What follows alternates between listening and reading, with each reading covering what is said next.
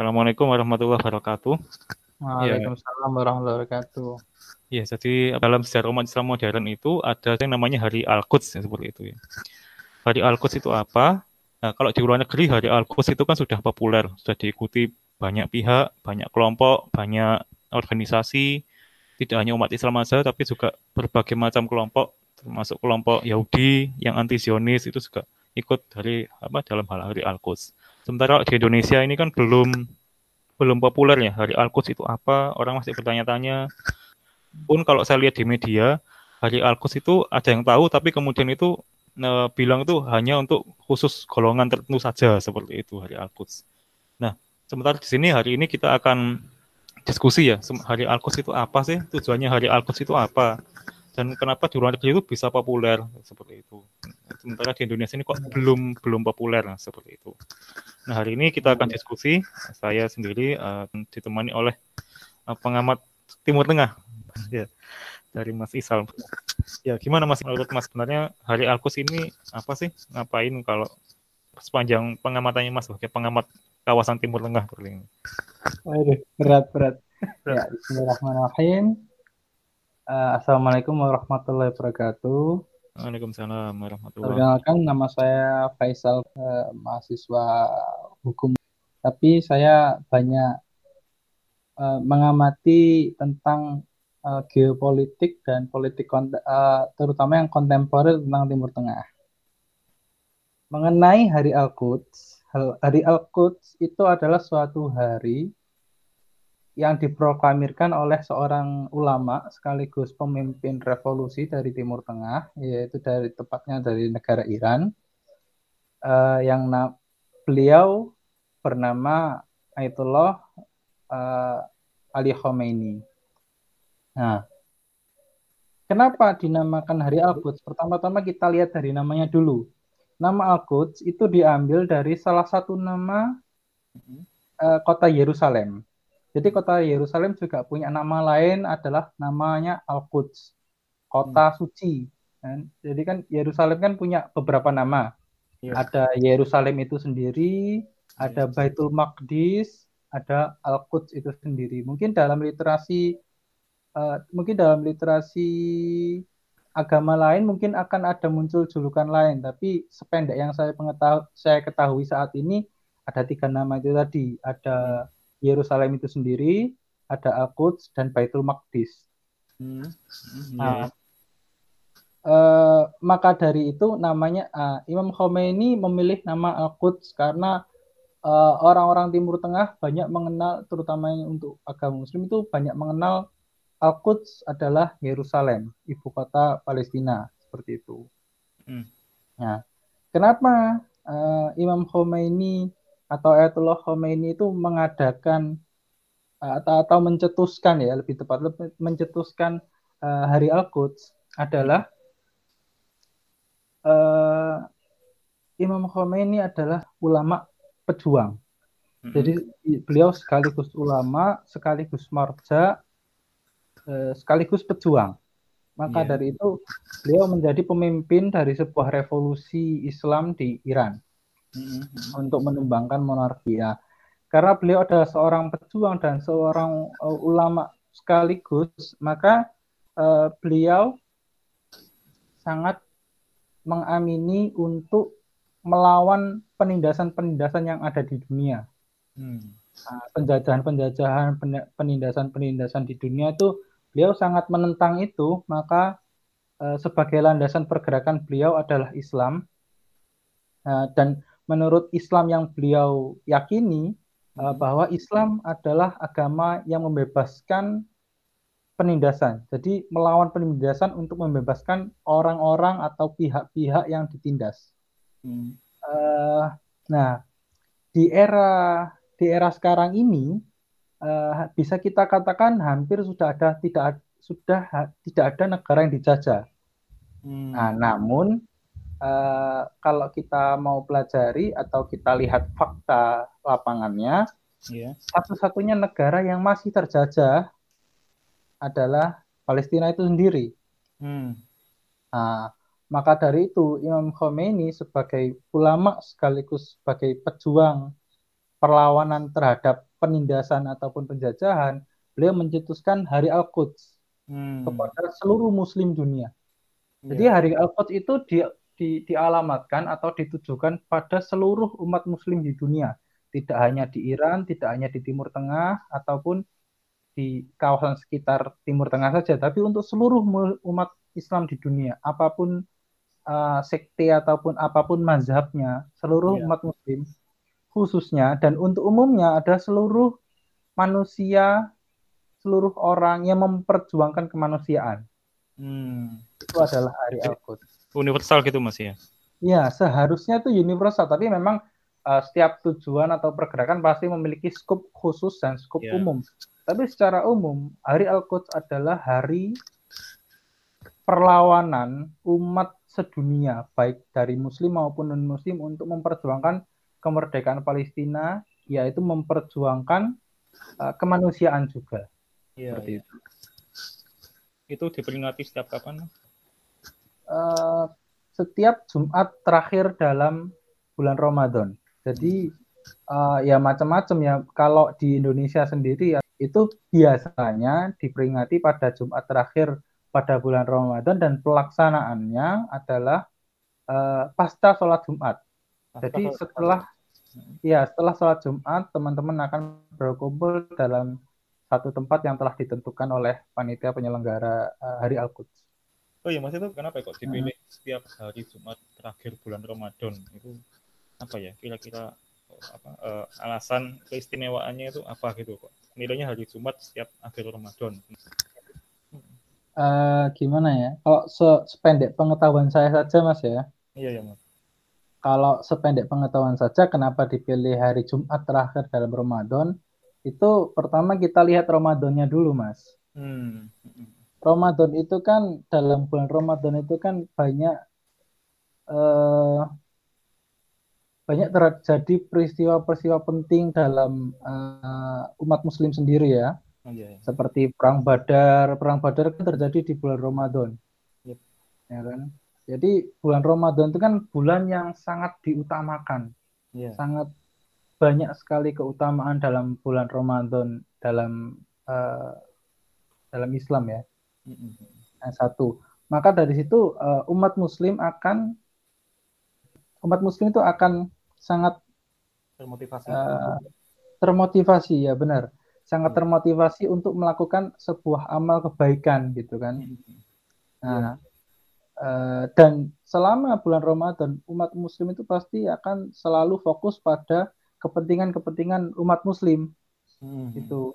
Jadi uh, untuk memaksimalkan potensi umat Islam dalam bulan Ramadan yeah. seperti itu. Dan hmm. kenapa dipilih Jumat terakhir? Ya karena Jumat hari Jumat sendiri adalah salah satu hari agung bagi umat muslim dan umat-umat uh, agama Samawi lainnya ya. seperti yeah. umat Nasrani juga punya uh, hari Jumat Agung gitu kan. Iya, yeah, iya. Yeah. Karena ini pencetusnya ada seorang ulama muslim, maka ditetapkan pada hari Jumat terakhir bulan Ramadan sebagai penutup dari uh, amal kita selama satu bulan untuk memberi amal yang terbesar gitu kan. Yeah. Untuk kembali mengingatkan umat muslim itu uh, kita itu belum uh, belum selesai dalam berjuang untuk saudara yes. Iya. kita kan betul, betul. gitu jadi uh, perjuangan kan bisa macam-macam bisa dari kita belajar sih jihad pun banyak macamnya jangan jangan kita nilai jihad itu kita harus terjun ke medan perang saja enggak enggak gitu harus ada kontekstualisasi zaman juga iya. iya bahkan kebanyakan saudara-saudara kita kan juga ada yang terjebak dalam pemahaman bahwa jihad itu harus turun ke medan perang, harus menjadi syuhada gitu kan. Nah, hmm. enggak gitu juga. Ya, ya kalau kalau kita hidup di era perang ya mungkin bisa seperti itu atau mungkin lingkungan kita, negara kita sedang ada perang ya mungkin bisa menggunakan uh, versi yang seperti itu. Tapi kan sekarang sudah masuk pada era-era damai. Ya. Dan jika ada konflik pun hanya di, se di sebuah regional khusus, mungkin di yeah. Timur Tengah, mungkin di Palestina, mm-hmm. mungkin di suatu negara Afrika jika suatu negara itu kacau, gitu kan. Mm-hmm. Nah kalau kita eh, dalam kita kan konteksnya Indonesia, nah, yeah. dan Indonesia kan kita berada pada zaman yang uh, damai gitu kan zaman yang damai di mana uh, pemerintah kita masih bisa tegak berdiri bisa masih bisa menjalankan kewajibannya untuk mengurus masyarakat kita gitu. Iya, benar. Iya, iya, iya. Mas monggo menambahkan loh, jangan saya saja gitu. Iya. Saya enak saya kalau saya saja yang bicara. Gak apa, saya kan menimba ilmu dari ini pengamat Timur Tengah. Waduh, berat, insya Allah. Iya, benar. Oh iya, mas. Signifikasinya Hari Alkus di dalam melawan Dionis itu seperti apa sih? Kan banyak tuh kritikannya. Wah itu hanya Hari Alkus itu hanya cuma teriak-teriak aja, tapi apa signifikasinya nggak ada. Buktinya apa namanya? penjajahannya tetap berlangsung. Nah, kalau menurut Mas Isal apa ya signifikansinya seperti itu? Nah, signifikansinya ini uh, sebetulnya ada banyak aspek Mas ya. Hmm, yeah. Cuman kita lihat untuk konteks Indonesia sendiri sebetulnya. Yeah. Kalau konteks di negara lain atau daerah lain mungkin konteksnya berbeda, tapi untuk Indonesia sendiri saat ini signifikansinya adalah untuk terus mengingatkan mengingatkan saudara-saudara muslim kita yang ada di Indonesia hmm. bahwa bahwa saudara muslim kita di belahan dunia lain di hmm. Palestina hmm. itu masih menderita, belum bisa hidup senyaman kita, belum yeah. bisa hidup seaman kita seperti itu. Yeah, Jadi yeah. Uh, bahkan kalau tidak salah itu ada sebuah hadis yang mengatakan bahwa jika kita bangun dari tidur kita dan kita tidak pernah hmm. eh, katakanlah dalam satu hari ataupun dalam selama hidup kita jika kita tidak memikirkan kehidupan muslim lain itu kita belum dikatakan seorang muslim yang beriman gitu mas kalau nggak kalau nggak salah seperti itu redaksinya ya iya, iya. kurang lebih seperti itu jadi ketika minimal kita ingat hmm. minimal kita ingat dengan penderitaan saudara muslim kita di negara lain supaya yeah. apa supaya kita bisa mendoakan Hmm. minimal tuh mendoakan lebih-lebih kalau bisa bertindak mungkin tindakan yang bisa kita lakukan dalam konteks Indonesia adalah mungkin satu bertindak dalam hal akademis yeah, yeah. kita bisa menulis tentang apa itu hari Al-Quds atau mengadakan diskusi-diskusi seperti ini seperti ngobrol santai ini kan bisa kita jadikan suatu pergerakan bahwa hari Al-Quds adalah hari melawan anti kemanusiaan hmm. untuk Palestina seperti itu. Mungkin kedua dalam hal jurnalistik. Hmm, yeah. nah, dalam hal jurnalistik bisa kita juga bisa melaporkan uh, keadaan-keadaan Palestina saat ini. Sekarang kan sudah banyak sekali kanal-kanal media baik milik pemerintah maupun swasta hmm. ataupun bahkan personal itu yang selalu mengabarkan uh, keadaan-keadaan di Palestina. Banyak hmm. sekali media-media seperti itu saat ini tuh. Baik yang swasta negeri maupun personal. Bisa lewat akun media sosial juga banyak sekali. Ya, misalnya kita cari hashtag Alquds 2019 yeah. nah, nanti pasti bakal keluar dokumentasi-dokumentasi uh, tentang Hari Alquds itu di seluruh dunia. Baik di Indonesia di Inggris di India hmm. di Timur Tengah sendiri di Amerika di Australia bahkan di Afrika itu pasti akan keluar dengan berbagai macam bahasanya, dengan berbagai macam pawainya, orasi-orasi itu bisa kita cari baik yeah. di Instagram, YouTube ataupun Facebook ataupun Twitter juga. Kalau saya lihat ini mas ya, universal mas ya itu diikuti oleh eh, siapa pun. Uh, satu lagi kan tadi sudah akademik, jurnalis, dan hmm, untuk masyarakat awam. Nah untuk masyarakat awam ini makanya kenapa kita uh, mengadakan demonstrasi Al-Quds atau peringatan Hari Al-Quds. Yeah. Itu supaya uh, kawan-kawan uh, mungkin yang belum sempat bergerak dalam akademik atau membaca naskah akademik, belum belum sempat untuk melakukan uh, penelusuran jurnalistik, mencari-cari berita secara mendalam. Mungkin karena kesibukannya seorang muslim belum sempat melakukan dua hal sebelumnya, maka diadakanlah demonstrasi itu untuk apa? Untuk mengajak teman-teman yang katakanlah belum sempat untuk hmm. mengerti apa itu hari coach seperti itu. Iya iya benar. Nah, ketika itu uh, ketika nanti uh, teman-teman yang tidak sempat mencari info ataupun membaca itu tadi bisa hmm. ikut dalam hari al dan signifikansinya kembali apa? Itu mengingatkan semangat bahwa kita ini masih harus berjuang. Berjuang yeah. dalam konteks Indonesia ya tentunya yeah, bukan yeah, yeah. bukan itu yang sana. Iya iya. Gitu. iya, iya. Nah, ada signifikansinya juga mas ya Iya, ada. Kurang Iya. lebih seperti itu kalau di Indonesia ya. iya iya menarik sih sebenarnya mas apa hari Al-Quds ini hari Al-Quds kemudian kalau kita membahas tadi ya, pembebasan Palestina dan lain-lain ya kenapa ya karena ini kalau saya baca di buku-buku ya ini ada beberapa buku sebenarnya saya bawa ini. Iya. Eh, apa buku bukunya ini apa dibalik sejarah Zionisme ditulis oleh aktivis apa, aktivis kemanusiaan. Ada juga akademisi kewarganegaraan Israel Ilan Ilan Pep dia men- menuduh bahwa negara Israel itu melakukan pembersihan etnis terhadap penduduk Palestina. Jadi ada akademi Israel sendiri itu yang mengkritik eh, negara Israel karena apa? Karena melakukan pembersihan etnis. Sejak tahun 47 ma- waktu mau deklarasinya Israel ya 47 Iya. itu sudah ada upaya pembersihan etnis. 47 48 49 sampai 50-an dekade 50-an itu ada upaya sis- sistematis untuk melakukan pembersihan etnis terhadap penduduk Arab Palestina seperti itu. Bentuknya macam-macam. Ada peng- pengusiran ada kemudian pembunuhan pembantaian massal dan macam-macam sehingga sekitar 800 ribu orang Palestina itu terusir dari tanah Palestina seperti itu. Dan ini upaya sistematisnya Zionis itu tidak hanya berhenti sampai tahun 50-an. Nah, kalau kita lihat Israel sekarang bikin wall itu mas, ya, tembok-tembok besar itu sehingga orang Palestina sekarang itu sulit untuk mobilitas, sulit untuk mendapatkan hak akses untuk kehidupannya mereka sehari-hari. Belum lagi kita lihat misalnya sekarang masih banyak penembakan oleh tentara Israel kepada rakyat sipil Palestina kan ya. Jadi ada Iya. itu.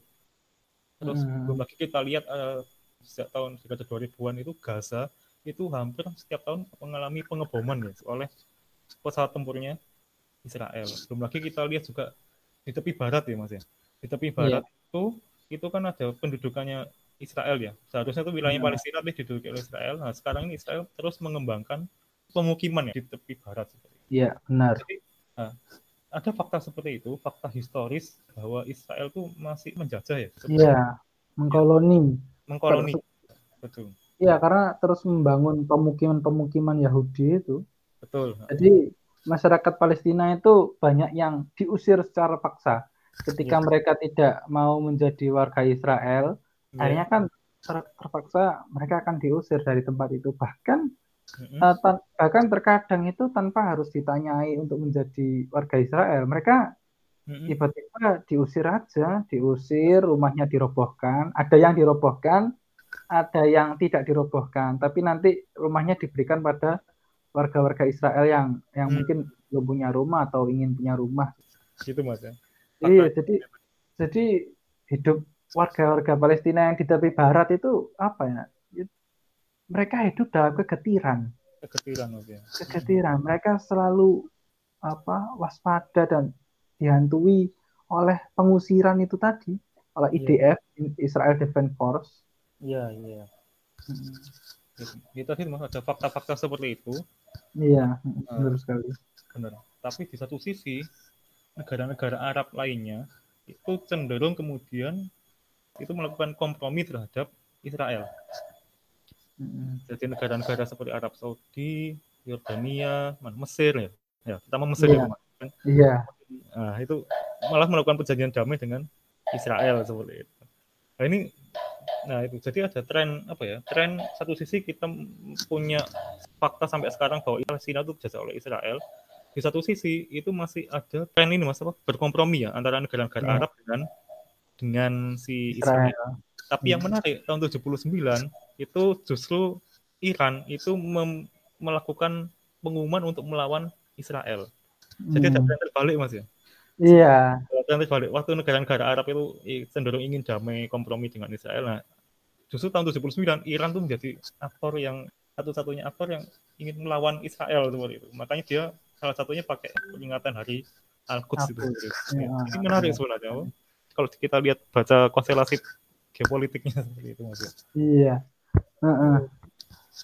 Ini merupakan penanda bahwa apa ya eh, ada kekuatan yang justru antitesis dari kecenderungan negara-negara Arab yang ingin damai dengan Israel kompromi dengan Israel seperti itu. Itu ya itu kalau itu saya dari situ aja mas. Menarik ini apa hari Al-Quds seperti itu.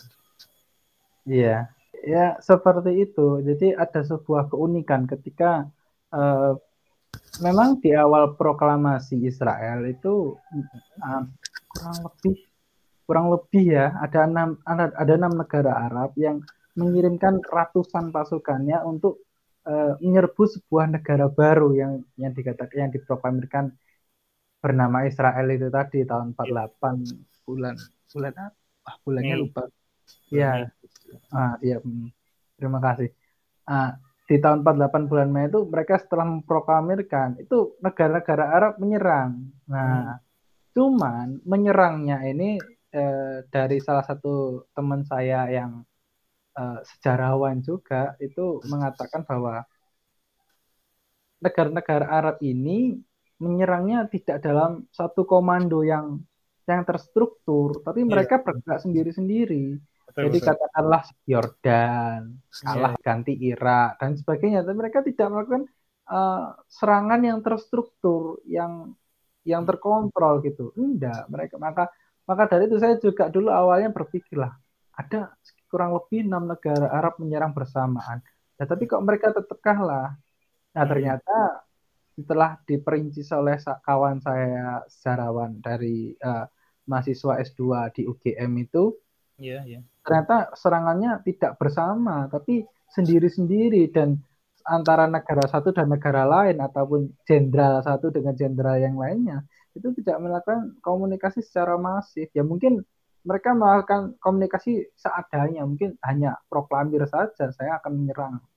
Uh, Israel untuk menyelamatkan Yerusalem. Mungkin seperti itu saja. Hmm. nah, kemudian kenapa Mesir menjadi uh, berkompromi dengan Israel? Itu uh, kalau dari sejarah yang sudah saya baca dan beberapa saya diskusikan dengan kawan-kawan itu ternyata uh, perdamaian antara Mesir dan Israel itu terjalin setelah Jamal Abdul Nasser yeah. seperti itu. Jadi uh, sebetulnya uh, salah satu pemimpin Arab, pemimpin negara-negara Arab yang yang yang sangat gigih, yang sangat keras melawan uh, penindasan Israel terhadap rakyat Palestina atau melawan negara Israel itu ada sebetulnya cuman berakhir di Jamal Abdul Nasser. Yeah. Setelah itu tidak ada lagi perlawanan yang masif atau besar dari negara-negara Arab itu. Jadi saat itu Jamal Abdul Nasser dengan uh, dengan doktrin sosialisme pan-Arabismenya itu ingin menyatakan negara-negara Arab di bawah kendalinya. Iya. Uh, namun ya, namun yang berhasil kata yang sedikit saya ketahui berhasil itu Syria dan Irak saja. Hmm. Nah, terutama Syria yang lebih dekat dengan Mesir juga. Nah, hmm. maka dari itu uh, Jamal Abdul Nasser juga pernah mengajak uh, Syria untuk berkoalisi menyerang Israel. Hmm, yeah. nah, seperti itu. dengan dengan ideologi sosialisme pan-arabismenya hmm. yang di mana ya seperti banyak kita ketahui bahwa ideologi, ideologi sosialisme ada juga ideologi yang melawan penindasan bukan membiarkan penindasan seperti. Hmm. Nah kurang lebih seperti itu. Tapi kemudian uh, wakil wakilnya Anwar Sadat naik ya ya sudah. Akhirnya Anwar Sadat pun bermain cantik ber, untuk mendapatkan kekuasaan di Mesir dia juga mau berkompromi dengan Israel. Betul, betul. Dan ya. salah satu yang mendorong Mesir juga berkompromi dengan Israel juga Mesir sendiri kalah saat hmm. itu. Uh, Gurun Sinai uh, dapat dikuasai Israel karena Israel sendiri juga mendapatkan bantuan dari uh, dari Amerika. Hmm. Nah, jadi ketika perang Israel melawan Mesir dan Syria itu uh, Israel mendapatkan dua wilayah, dataran tinggi Golan mm-hmm. dan Gurun Sinai. Iya, yeah, iya. Yeah. Seperti itu yang yang dikembalikan hanya Gurun Sinai karena uh, yang melakukan perjanjian damai hanya Mesir sendiri. Eh, iya Mesir sendiri. Uh, Syria dibiarkan tidak menjalin perjanjian damai karena Syria sendiri uh, mungkin uh, pemimpinnya tidak sempat ganti. Mungkin masih di era uh, Hafiz Al Asad mungkin ya hmm. bapaknya Bashar Al Asad yang sekarang jadi uh, tetap melakukan perlawanan terhadap Israel. Maka dari itu dataran tinggi Golan tidak dikembalikan ke ke apa ke Syria tetap hmm. dalam uh, apa pendudukan Israel sampai sekarang. Nah, kalau negara-negara Arab sebetulnya tidak semuanya melakukan tidak semua negara Arab itu melakukan kompromi atau bernegosiasi dengan Israel. Hmm. Nah, sebetulnya masih ada satu negara Arab yang uh, tetap tidak mau berkompromi dengan Israel, Siapa yaitu Syria, Syria itu sendiri. Oh, iya. Iya, iya. Sampai saat ini satu-satunya negara Arab iya. yang melakukan perlawanan. Bahkan iya unik Syria itu.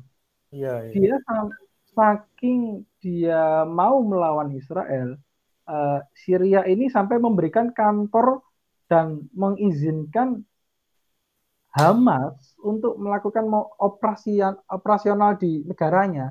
Iya, Jadi iya. Damaskus mungkin ya. Biasanya kan kita lihat perwakil kantor-kantor perwakilan uh, negara ataupun organisasi kan berada di ibu kota Uh, kalau nggak salah ya di Damaskus itu uh, Hamas milik punya kantor di situ untuk melakukan operasionalnya. Jadi mengkoordinir mengkoordinir partainya dari luar Gaza gitu kan. Itu itu unik tapi masih banyak teman-teman di Indonesia yang nggak tahu itu. Iya. Iya. Gimana ya? ya itu tugasnya Mas mencerahkan. Waduh, ya enggak saya sendirian, Mas. Jadi kalau kita kembali lagi pembahasannya hari Al-Quds itu masih punya signifikansi mas ya. Iya. Masih. Simbol, simbol perlawanan, kemudian apa, menyadarkan semua menyadarkan berbagai kelompok ya, berbagai orang, iya. berbagai generasi mengenai adanya penjajahan mas, ya. masih adanya penjajahannya Israel, kemudian uh, mendorong kita untuk solidaritas kepada rakyat Palestina dan lain-lain seperti itu. Iya. Sebetulnya ya. ada lagi signifikansi yang bisa kita lakukan itu ya, yaitu dengan memboikot produk-produk dari Israel itu sendiri. Nah, itu apa nggak sulit, Mas? Nah, uh, sulit atau tidaknya kalau kita balikan ke realitas sejarah, itu ada ada sebuah pergerakan yang berhasil melakukan boikot produk itu. Salah satunya itu India. India melalui Mahatma Gandhi. Iya, iya. Nah, Gandhi kan dalam salah satu perjuangannya untuk melawan penjajahan Inggris kan melakukan boykot produk. Jadi iya. uh, Gandhi uh, me mengumumkan pelarangan menggunakan produk-produk olahan dari Inggris. Mm -hmm. Itu. Jadi sampai akhirnya uh, banyak perusahaan Inggris itu bangkrut yang ada di India karena apa? Uh, mereka produksi tapi uh, hasil produksinya tidak ada yang membeli. Oh. Jadi pasarnya ditutup. Yeah. Akhirnya ya dengan sendirinya mereka akan tutup juga mereka akan mendapatkan uh, kos kerugian kerugian yang besar akhirnya nggak tutup juga akhirnya nah hmm. itu salah satu uh, fakta sejarah yang yang bisa kita ketahui tentang hal memboikot memboikot produk terutamanya bukan yeah. Iya. boikot yang bagaimana tapi boikot produk mm-hmm. nah uh, dalam beberapa dalam beberapa hal sebetulnya kita bisa melakukan seperti itu tinggal bagaimana kita mengidentifikasi dan kita mau tidak melakukan hal seperti itu. Nah, itu ya. itu kembali ke uh, masyarakatnya masing-masing.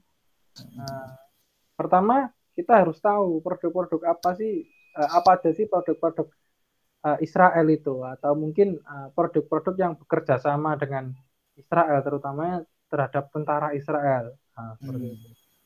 Pemerintah Israel terutamanya itu kita harus tahu produk-produk apa. Nah, hmm. kita harusnya menghindari produk-produk tersebut.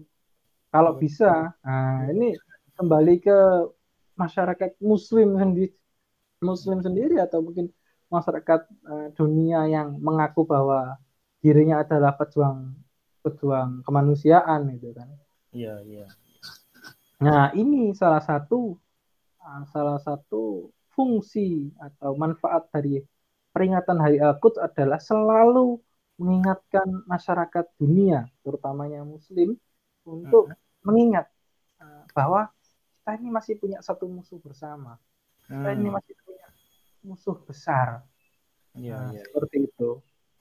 Apa? Ya. Yaitu penindasan dan uh, penindasan dan itu tadi pendudukan Palestina ya termasuk penindasan itu sendiri. Jadi uh, segala hal yang berbau anti kemanusiaan adalah musuh muslim, musuh musuh orang-orang Islam. Iya, iya, iya. Nah, makanya setiap uh, satu dua minggu, dua minggu menjelang hari Al-Quds akan hampir seluruh muslim di dunia, baik di luar maupun di Indonesia sendiri, itu akan selalu mengadakan kampanye-kampanye uh, tentang hari Al-Quds, tentang yeah. apa itu apa itu hari Al-Quds, apa itu apa penjajahan Palestina, kemudian bagaimana penjajahan Palestina seperti itu. Yeah, yeah. Dan itu dilakukan setiap tahun tanpa ada bosan-bosannya. Makanya uh, ya tadi untuk selalu mengingatkan bahwa kita ini masih punya saudara yang belum bisa hidup aman seperti itu, nyaman, aman, damai, tentram, masih ada hmm. seperti itu. Oke mas, mungkin satu poin lagi mas, eh, yang apa sering ditanyakan itu, ini kan Iran sejak tahun 79 menginisiasi Hari Al-Quds seperti itu. Mm-hmm. Dan, dan uh, retorikanya Iran itu kan selalu bermusuhan dengan Israel. Dan itu selalu diulang-ulang juga dalam momentum Hari Al-Quds seperti itu. Mm-hmm. Nah, kalau menurut Mas itu uh, sampai sejauh mana Iran itu berkontribusi terhadap upaya pembebasan Palestina? Wah, kalau sejauh mana ini panjang sekali. Yeah. Banyak sekali person banyak sekali sendi-sendi atau uh, sisi-sisi di mana Iran itu sangat sangat signifikan dalam membantu Palestina. Uh, Iran tuh membantu baik melalui pasok uh, baik melalui militer, uh-huh. logistik, ekonomi dan media. Iya, yeah, dan media maksudnya. Uh, dan media salah satu corong Al-Quds yang paling besar atau paling kuat menyuarakan Al-Quds ya Iran itu sendiri dengan kesadaran pemerintah dan masyarakatnya, solidaritas masyarakatnya. Jadi seperti itu. Bahkan Iran sendiri mencanangkan dalam uh, konstitusinya kalau tidak salah ya, itu untuk uh, untuk berjuang atau menyisihkan sekian persen dari anggaran negaranya untuk perjuangan Palestina, untuk para pejuang Palestina, untuk masyarakat Palestina. Kalau dalam bidang militer, kita masuk dalam bidang militer dulu mungkin. Dalam dalam bidang militer, Iran tuh sangat membantu para pejuang perlawanan Palestina. Apa pun apa pun agamanya, apa pun mazhabnya, Iran yeah. tuh tidak pernah memandang bulu. Kamu yeah. mau mazhabnya A, B, C, dan D, selama kamu mau berjuang untuk rakyat Palestina, selama kamu mau uh, berjuang melawan penindasan Israel, kamu akan saya bantu. Ya, Bisa kita lihat contoh Hamas. Iya, paling umum. Hamas ya. yang paling umum yang banyak kita kenal, banyak kita dengar namanya di Indonesia. Itu ya. Hamas. Ya. Hamas kepanjangan dari Al-Harokah Al-Muqawamah Islamiyah. Harakah Muqawamah Al-Islamiyah. Jadi perlaw gerakan perlawanan Islam. Yeah. Nah, Hamas itu kalau kita lihat kan dia adalah uh, Muslim Sunni, Sunni yang berafiliasi ada yang kepanjangan dari Ikhwanul Muslimin di Mesir. Nah. Yeah, yeah. Nah, hmm. kalau kita lihat kan secara mazhab mereka berbeda dengan Iran, hmm, ya kan? Yeah. Tetapi Iran membantu habis-habisan yeah, kepada yeah. Hamas karena apa? Hamas memiliki uh, memiliki konsistensi dalam memperjuangkan rakyat Gaza ataupun rakyat Palestina. Iya, iya, betul betul. Ya ini memang uh, diperkuat sama pernyataannya tokoh-tokoh Hamas sendiri bahwa Iran itu ketika membantu Palestina termasuk Hamas di dalamnya itu tanpa persyarat saja. Ada beberapa pernyataan ya. dari tokoh-tokoh Hamas bahwa Iran itu peduli sekali terhadap perjuangan Palestina dan ketika membantu itu dia tidak mempersyaratkan apa pun seperti itu. Yang penting bagaimana untuk memerdekakan Palestina. Dan itu nggak cuma Hamas saja mungkin mas ya. Ada Palestina hmm. Islamic Jihad, ada beberapa kelompok kecil juga sama. Kalau kita lihat di beberapa media mereka bersaksi seperti itu. Padahal mereka mazhabnya juga bukan mazhabnya Iran, tapi iya. malah ini kan, masa waktu kemarin apa pemakaman Jenderal Qasem Sulaimani itu itu kan hmm. ada juga delegasi itu dari Hamas, iya. Itu, iya dari Hamas ya seperti iya. menyampaikan bahwa Qasem Soleimani adalah martir akut seperti martir Palestina. Iya. Nah, itu itu adalah salah satu fakta bahwa kontribusi Iran terhadap Palestina itu sangat besar. Sehi, sampai-sampai uh, Iran itu memiliki suatu divisi militer yang dinamakan Al-Quds ya. Oh iya, iya. Al-Quds Force, tentara Al-Quds ini. Itu apa fungsinya kalau bukan tujuan salah satu tujuan dari tentara itu adalah membebaskan kota Al-Quds, kota iya. Yerusalem. Yeah. itu yeah, adalah uh, apa ya? konsistensi apa? Uh, salah satu fakta bahwa Iran tuh sangat serius dalam ingin memperdekakan Palestina. Seperti itu. Yeah, Sampai yeah. memiliki memiliki Al-Quds Force kan? Yeah, Quds Force, tentara Al-Quds. Di mana fungsi tentara ini adalah menjadi penasehat militer. Penasehat militer, trainer tentara juga. Jadi sebetulnya banyak orang yang menyalahkan uh, menyalahkan Al-Quds Force itu apa? Banyak orang yang menganggap Quds Force, tentara Al-Quds milik Iran adalah sebuah satuan tentara yang besar mm-hmm. yang dia yang mereka melakukan operasi-operasi di banyak negara seperti itu. Mm-hmm. Transnasional, bahkan sampai keluar uh, keluar dari regional Timur Tengah. Sebetulnya tidak. Sebetulnya hmm. uh, tujuan dari Al-Quds adalah menjadi kalau yang sependek saya pengetahui ya, yang yeah, sependek yeah. saya ketahui adalah Al-Quds Force itu bertugas menjadi satu penasehat militer. Mm-hmm. Kedua, pelatih tentara. Iya, yeah, iya. Yeah. Nah, ketiga mungkin mereka mereka dan ketiga akan menjadi intelijen. Mm-hmm. Oh, intelijen juga, Mas. Intelijen juga. Mm-hmm. Nah, maka dari itu tiga tiga tiga fungsi code force ada ini salah uh, mungkin dari sekian sekian fungsinya mungkin yang saya pahami masih tiga ini mungkin ya. Mungkin nanti uh, Mas bisa mengulas lebih dalam tentang fungsi-fungsi Al-Quds itu, tentara Quds Force tadi. Nah, salah satunya uh, Brigadir Jenderal Qasim Sulaimani. Mm-hmm. Dia adalah komandan dari uh, pasukan Al-Quds. Yeah. Nah, beliau juga memiliki uh, memiliki julukan. Nah, sampai musuh-musuh uh, bukan bukan kita katakan atau kita katakanlah mereka mereka yang kontra dengan tentara Al-Quds atau hmm. kontra dengan pembebasan Palestina itu sampai memberikan julukan the shadow commander kepada Brigjen Soleimani kan tentara yeah. tentara bayang apa pemimpin bayangan ya, hmm. ya komandan bayangan di mana banyak uh, banyak media ataupun intel-intel Amerika baik Israel yang susah dalam melacak keberadaan eh, Jenderal uh, Sulaimani ini. Ya, ya. ya itu tadi ya, karena itu tadi karena beliau bergerak dalam kepenasehatan, pelatihan dan uh, intelijen.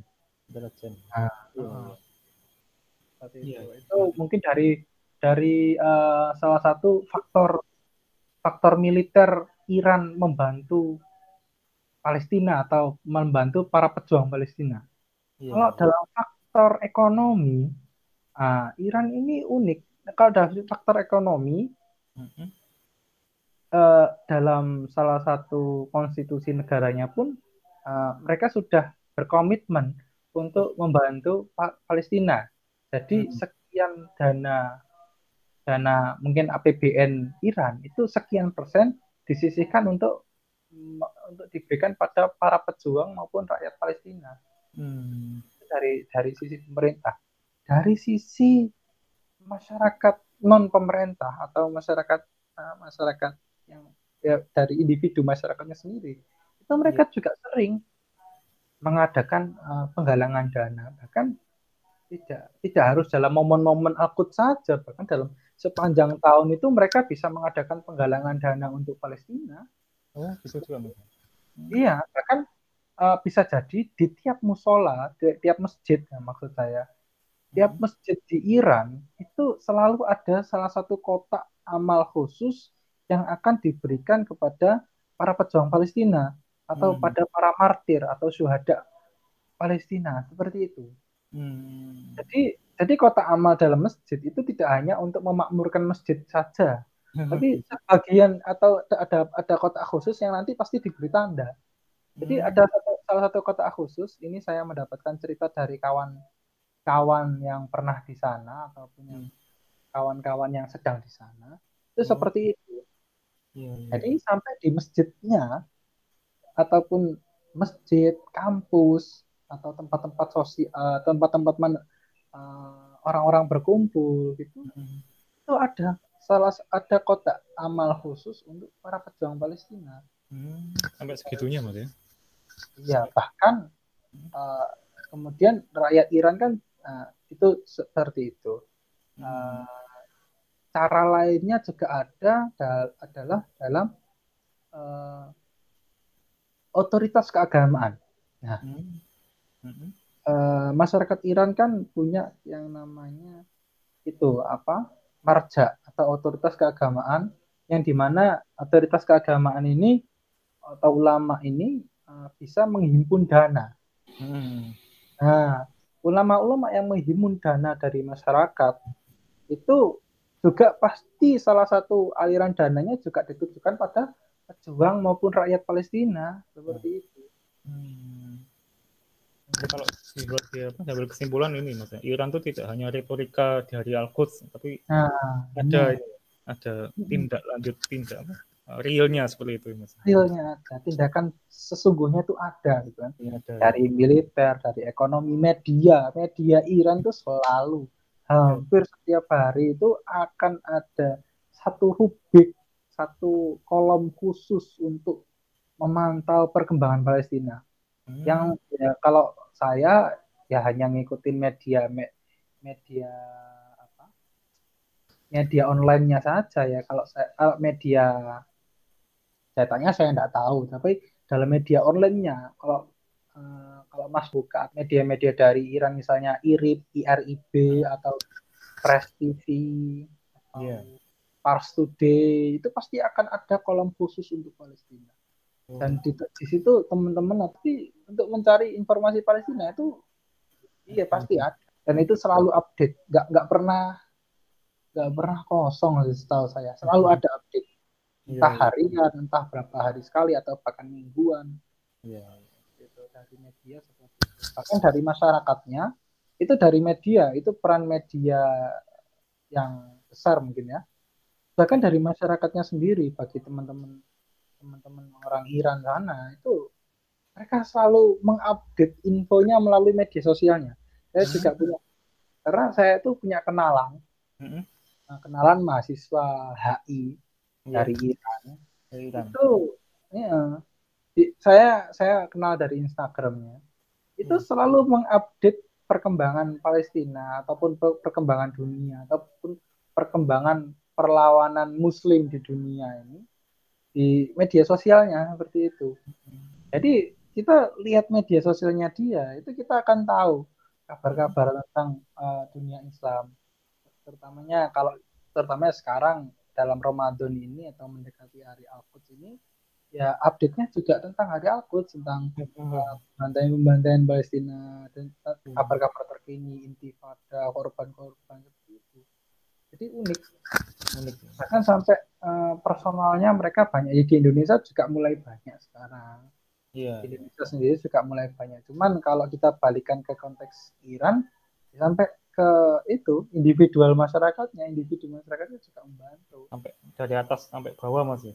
Iya dari atas sampai bawah Iya iya iya. Iya iya. Menarik ini mas bahasan mengenai mengenai hari Al-Quds ya. Jadi Hmm. ini hari yang sebenarnya hari yang besar, yang universal, diperingati di banyak komunitas di banyak dunia, cuma di Indonesia belum belum Iya. gitu ya. belum masif ya mungkin Belum masif. ada tapi belum masif gitu. Iya iya. Ah, Iya belum masif.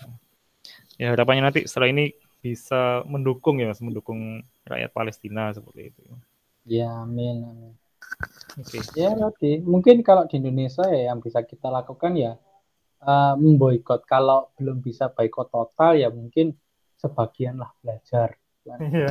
belajar mengen- mengenal mengenal merek-merek apa yang berasal dari Israel atau afiliasinya terus kalau bisa kalau kita belum bisa memutus secara total ya kita kurangilah menggunakannya gitu kan Iya. karena kalau karena fakta sejarah di India berhasil dan kata beberapa teman yang aktif tentang pergerakan perlawanan Palestina pun uh, media Israel sendiri pernah mengabarkan bahwa yeah. uh, dampak pemboikotan produk-produk Israel itu mereka rasakan. Hmm? Jadi sampai uh, sampai Israel itu merasakan uh, pengusaha ataupun pabrik pabrik-pabrik yang terkena boykot itu sebetulnya juga merasakan gitu. Hmm. Gitu. Jadi ada dampaknya. memang ada dampaknya, tapi mungkin nggak terlihat gitu kan. karena mungkin kan lap, laporan ekonomi kan ya laporan di sana gitu kan. Kalau kita ya. tidak membaca yang di sana ya kita nggak iya. akan tahu gitu. Makanya itu eh, peran-peran media online, media sosial itu bisa seperti itu. Iya, iya. Kalau tadi ya kalau belum bisa kalau kita belum bisa memboikot secara total, ya belajar mengurangi. Hmm. Kalau belum bisa belajar mengurangi ya minimal tahu. tahu. harus tahu produk-produk Kalau kita kalau kita sudah tahu ya kita coba mengurangi lah. Iya nanti saya coba sih mas. Iya sama-sama kita coba teman-teman iya, coba juga bareng-bareng. Saya juga mungkin belum bisa secara total juga sama-sama belajar toh iya, sama-sama iya, iya. belajar mengetahui. Makanya uh, seorang muslim itu itu tadi harus selalu selalu belajar dulu zaman. Iya tuntutlah ilmu dari ayunan yang hingga liang lahat gitu kan. Iya betul. Ya kan seperti itu kan. Kalau kita nggak belajar ya nggak ngikutin hadis nggak ngikutin sunnah gitu. iya benar benar. Iya. Iya iya Ya, oke terima kasih Mas atas diskusinya menarik. Jadi kita sudah mengenal Al-Quds itu apa, kemudian signifikansinya apa, dan bagaimana peran dari Iran ya dalam hari Al-Quds. Nah, kita juga akan semakin memperbesar apa dukungan kita terhadap rakyat Palestina. Oke, terima kasih Mas Isal. Mas Isal juga aktif ini ya di Center of Extremism and Radicalism Studies, CERS. Ya. Iya, CERS. CERS. Ya. Center of Extremism, Extremism for Extremism, Radicalism, Security uh, Radicalization and Security Studies. Iya. Ya itu salah satu lembaga yang mungkin nanti bisa kita ajak untuk melakukan uh, kasihan juga tentang ini ya. Karena kan karena kan seperti ini. Itu kan juga isu security kan. Itu iya, isu ya, keamanan kan. Keamanan ya. yang mungkin ada di regional Timur Tengah. Ya. Mm -hmm. Kalau ekstremismenya mungkin kalau nanti kita bahas mengenai Nani Syria. Nah, itu nanti bisa kita masukkan ke ekstremisnya. iya, betul. Ya. Iya, iya, iya, iya. Terima kasih Mas Isal. Ya. Maaf repotkan. Ya, sama-sama. Santai. Assalamualaikum warahmatullahi wabarakatuh. Waalaikumsalam warahmatullahi wabarakatuh.